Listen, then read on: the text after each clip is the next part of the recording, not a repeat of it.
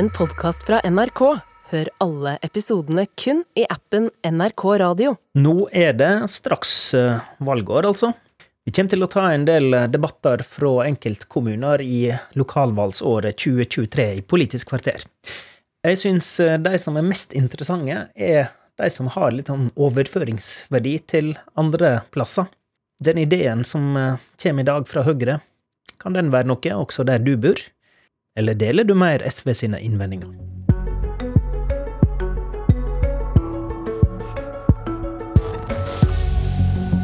Kan det være til hjelp å innføre flere skoletimer i områder med dårlige levekår, hvis målet er å hjelpe barn og unge som bor der?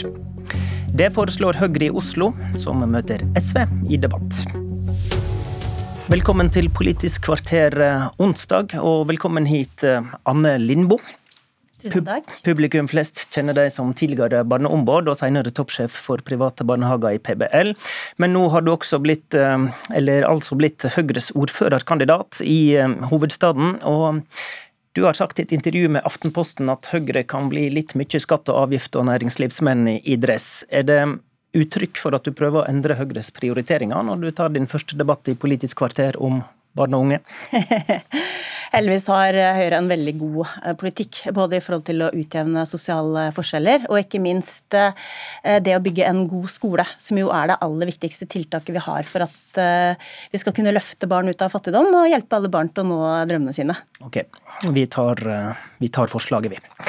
Høyre foreslo altså i samband med budsjettbehandlinga i Oslo å gi flere undervisningstimer til enkelte områder av byen. Framlegget har vært um, omtalt av fagnettstaden Utdanningsnytt, men eh, ikke, forslaget er vel ikke kjent for det store publikum. Så forklar først hva, hva dette går ut på, det forslaget. Forslaget går ut på at eh, alle barn i levekårsutsatte områder eh, i grunnskolen skal få en ekstra time med matte og naturfag. Og Grunnen til det er jo det jeg begynte å snakke om, nemlig at skolen er den viktigste arenaen vi har for å utjevne sosiale forskjeller. Eh, for å hjelpe barn å nå drømmene sine. Og så vet vi at i Oslo, og også i andre store byer, så er det veldig stor forskjell i forhold til hvor mye hjelp du får hjemme av foreldrene dine. Mange har høyt utdanna foreldre som kan hjelpe til med krevende fag som eh, matte og naturfag, mens andre ikke har det. Og Det er grunnen til at vi ønsker å gi barn eh, som trenger litt eh, ekstra oppfølging og hjelp, og ikke får det hjemme, denne ekstra timen med kvalifiserte lærere i matte og naturfag. Og Det har vært gjort tidligere. Det ble gjort under forrige Høyre-byråd, evaluert etter ti år. Og det viste at det ga gode resultater, både mindre skolefrafall og bedre læring.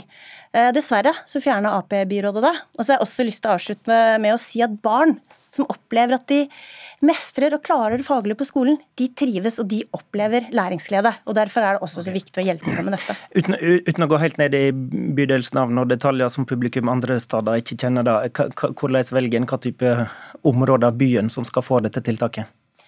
Eh, vi begynner jo med Søndre Nordstrand og eh, Groruddalen. og Det er jo skoler som eh, tradisjonelt har stor andel med barn som lever oppe i fattigdom. Det er skoler okay, der mange Det skal være hele bydeler da, egentlig? Ja. Og så ønsker vi, utvide, vi ønsker egentlig å utvide til alle bydeler etter hvert med levekårsutfordringer, okay. men vi begynner i de bydelene som har de største, da. Sunniva Holmås Eidsvoll, byråd for oppvekst og kunnskap i Oslo fra SV. Du har uttalt din skepsis til forslaget. Hva gjør at du ikke tror på dette? Det er fordi det er gammeldags politikk som ikke virker. Vi, når jeg reiser rundt på skolen i Oslo nå og snakker med elevene som går på skolen og foreldrene deres og, og lærere, så er de bekymra eh, for uh, elever som sliter med å gjennomføre og har mye frafall. Dvs. Si skolevegring, som er et sånt ord som vi bruker på det. Um, og Eh, vi vet at skolen vi har i dag eh, i for stor grad er demotiverende for mange. Jo lenger man går på grunnskolen, jo mer demotivert blir man.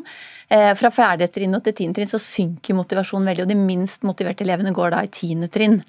Det er en stor utfordring som vi er nødt til å gjøre noe med. Og, få, og vi vet at motivasjon det er det du trenger for å lære noe. Og motivasjon henger veldig tett sammen med frafall og fravær. Så her er vi nødt til å ta et grep. Og det skoletrøtte elever ikke trenger, er flere timer i matte og naturfag. Men, men, men ingenting motiverer men ingenting motiverer vel mer enn mestring? Kan ikke motivasjon og lærelyst faktisk komme som en konsekvens av å få mer undervisning i noe du ikke er trygg i? da? Ja, vi, det, det, er særlig tre ting som gir eh, bedre motivasjon i skolen. Eh, det ene er mer praktisk og variert undervisning, sånn at undervisningen treffer alle elevene og får de til å lære noe. Og da, da må vi legge opp til at skolene kan gjøre det. Det har byrådet satsa på og gjort eh, mye obligatoriske rapporteringer og prøver frivillig, sånn at de har fått tid til det. Og så har vi rusta opp spesialrom. Det andre som gir mer motivasjon, det er trygge relasjoner og trygge voksne ansatte på skolen innenfor aktivitetsskolen, skolehelsetjenesten, miljøterapeuter osv. Og det siste er mindre stress og press. Altfor mange elever kjenner på i dag et stress på prestasjon og på karakterer, eh, og er stressa på skolen pga. prøver og testing. Eh, så skoletrøtte elever de trenger ikke mer timer i matte og naturfag. Lindbo, hvordan blir du motivert av flere skoletimer? Jeg er veldig uenig, for jeg mener jo at at, det å mestre og lykkes og få til ting, klare regnestykkene, eh, klare å se sammenhenger i naturfagstimen, det gir jo nettopp mestring og skoleglede og eh, gjør eh, at det er mindre sjanse for at du faller fra på skolen. Og Som barneombud så hadde jeg ekspertgrupper eh, med barn og unge som eh, sleit med skolefrafall, eh, sleit med mestring, eh, ikke fikk den oppfølgingen de trengte hjemme, og også hadde behov for, for, for spesialundervisning. Og Det de veldig ofte fortalte, det var at skolen har altfor lave ambisjoner på vegne av meg. Det er ingen som tror at jeg kan noe. Jeg ønsker å mestre og få til akkurat det samme som de andre elevene i klassen. Så de opplevde at istedenfor å få hjelp til matte og naturfag, så ble de liksom satt til å tegne og, og steke vafler. Så jeg mener igjen, her må vi for å, for å, hjelpe de elevene som sliter uh, og ikke får til det faglige, så er vi nødt til å løfte de og gi dem det ekstra som de ikke opplever å få hjemme. Og det er ekstra time i matte og naturfag, blant mye annet. Men tror du ikke på det, det Eidsvoll sier da, om mer praktisk og, og mindre tilrettelegge for mindre stress? Begge deler. Uh, og et eksempel er jo Lofsrud skole, som jeg besøkte, der, der Eh, rektor eh, er bekymret eh, fordi han ser at elevene sliter i matte og naturfag og ikke får hjelpen hjemme. Men de har det jo ikke det endrer de jo ikke ved å fjerne mattetimene. De gjør det med å forsøke å bidra ekstra i matte, men i tillegg Eh, så, så har de fokus f.eks. på praktiske fag. Og Det var jo hele poenget med fagfornyelsen i sin tid også. At du skal kunne ha litt mer kreative fag, yrkesfaglige tilnærminger, men samtidig kommer vi ikke utenom at du må ha grunnleggende kunnskaper i matte og naturfag, f.eks. For, for å fullføre yrkesfag senere. Det er ikke mulig å tenke begge deler her, da? Eidsvoll? Ja, Mye av de eksemplene fra Lofsrud skole er jo nettopp et resultat av byrådet sin politikk og det som vi har gjort nå de siste sju åra i Oslo, med at de kan bruke mer tid på praktisk og variert undervisning. og Det er veldig bra at eh, rektor på Lofsrud skole har gode erfaringer med det. Men her er det rett og slett veldig mye å ta tak i. fordi det er ingen tvil om at vi trenger å gjøre mer i skolen, også i Oslo. Men det å innføre en ny time i matte og naturfag for alle elever, det koster rett og slett veldig mye penger og er ressurskrevende. Pluss at det krever kanskje tilgang på naturfagsrom, spesialrom som må rustes opp, masse nye lærere. Er det virkelig er det flere timer hvis Høyre skal prioritere i skolen i Oslo der vi har behov for flere ansatte, styrke laget rundt eleven, styrke skolehelsetjenesten, så er det dette som er det viktigste dere skal bruke penger på? Dette er én av flere viktige ting. Og i vårt budsjett så har vi bl.a. lagt inn 200 millioner ekstra til Oslo-skolen. Nettopp for at de skal få uh, råd til å gjøre alle de andre tingene. Men i tillegg så vil vi også legge inn ekstra, eller har jo lagt inn ekstra penger til denne ekstra uh, matte- og naturfagstimen, så det skal ikke gå på bekostning av andre viktige ting som skolen gjør. Og så gjør vi også en, en tredje ting som rektorene er veldig opptatt av. Eh, og det er at man må beholde og rekruttere de gode lærerne. For det er det som er helt avgjørende for at barn eh, på de skolene som sliter, skal lykkes. Og dessverre så er det krevende, selv om det er veldig givende på mange av disse skolene. Lærere slutter, og det vil vi også gjøre noe med ved å gi dem muligheten. Men Eidsvoll, du, du, vil jo også bruke Si du vil prioritere å ha flere lærere. Mm. Eh, hvorfor skal ikke det brukes på faktisk å gi mer undervisning, da? Ja, eh, vi har de siste åra brukt veldig mye penger på å ansette flere lærere. Vi har ansatt mange hundre nye lærere i Oslo-skolen de siste åra. Og vi har særlig eh, styrket eh, med ekstra lærere i de levekårsutsatte områdene. Det gjør at man i større grad kan følge opp hver enkelt elev, komme tidlig inn med hjelp, avdekke spesielle behov for tilrettelegging, spesialundervisning, tidlig i skoleløpet, heller enn at man kommer inn for seint. Men, men, men vil, vil ikke det være positivt å bruke den ressursen til å faktisk også gi mer tid da, til fag? Jo flere ansatte du har i skolen som følger opp elevene, jo mer tid er det til eh, elevene per voksen. Og vi trenger å styrke den undervisningen vi har der i dag, og heller gi de bedre skoletimer heller enn flere. Og det er heller ikke sånn at eh, de erfaringene vi har med de styrkete teamene i Oslo, er, eh, er, sånn som Høyre påstår, at de var så positive. Høyre må rett og slett lære seg å lese evalueringsrapporter litt bedre. fordi det vi hadde her, var mange tiltak over tid. Ikke bare styrket eh, undervisning i noen enkeltfag, som viste seg å ha positiv effekt, men evalueringsrapporten slår fast at man kan ikke peke på ett av grepene som var gjort i en periode da på, kort til slutt, på seks år. Kort til slutt til det, Lindboe. Vi er nødt til å ha uh, høye ambisjoner for de uh, elevene som sliter mest. Og jeg blir jo litt uh, eh, bekymra når skolebyråden i sommer sa at det ikke var så viktig å tette kunnskapshull etter korona. Det er altfor mange elever som jeg sa, som opplever for få ambisjoner. Vi må ha høye ambisjoner for at de skal nå drømmene sine. Det innebærer også å hjelpe dem med det de sliter aller mest med, nemlig matte og naturfag. Det er helt avgjørende for å kunne klare f.eks. yrkesfag senere. Og da trenger du mer undervisning og bedre lærere for å kompensere for det du ikke får hjemme. Vi får uh, la koronadebatten ligge, det var en litt annen runde. Men takk til Anne Lindboe, takk til Sunniva Hormås Eidsvoll.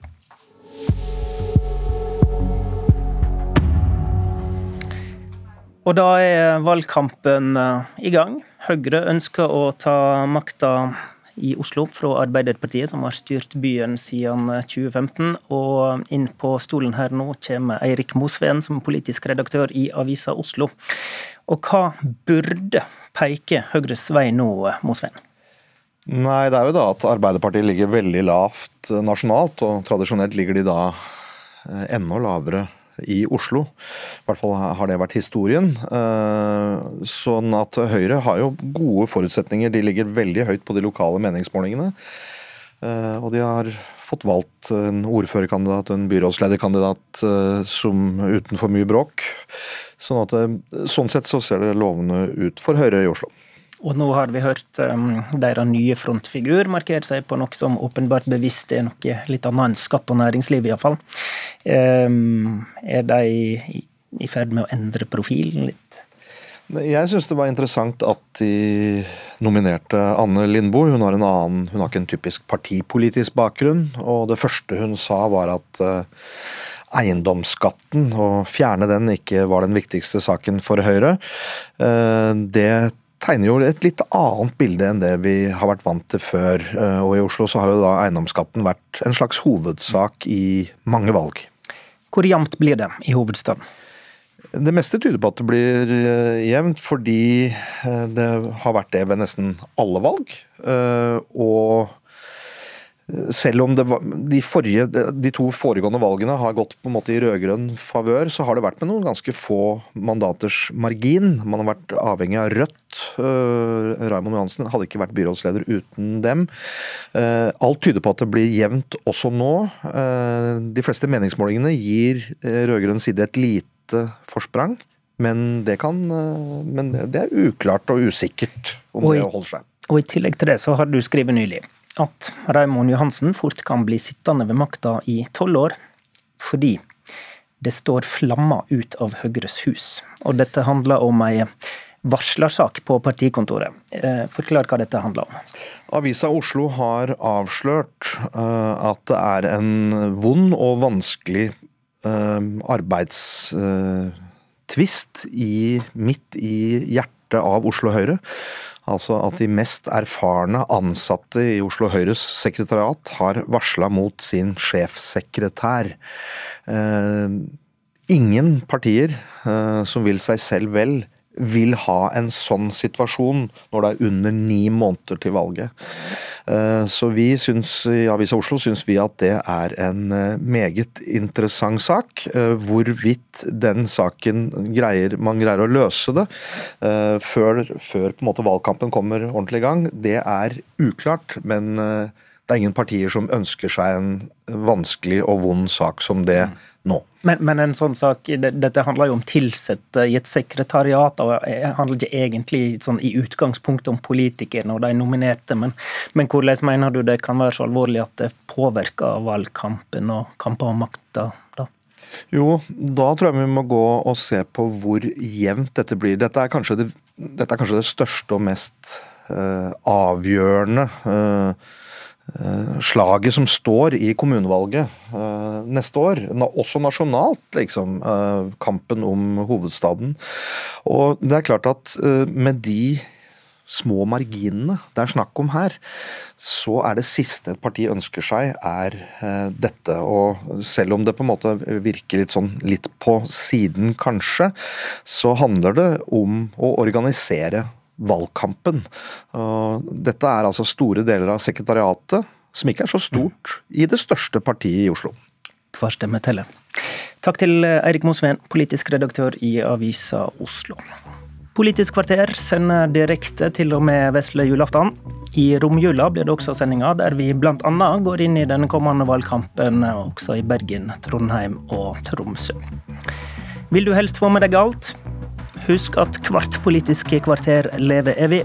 Du finner alt i appen NRK Radio. I studio i dag, Håvard Grønli.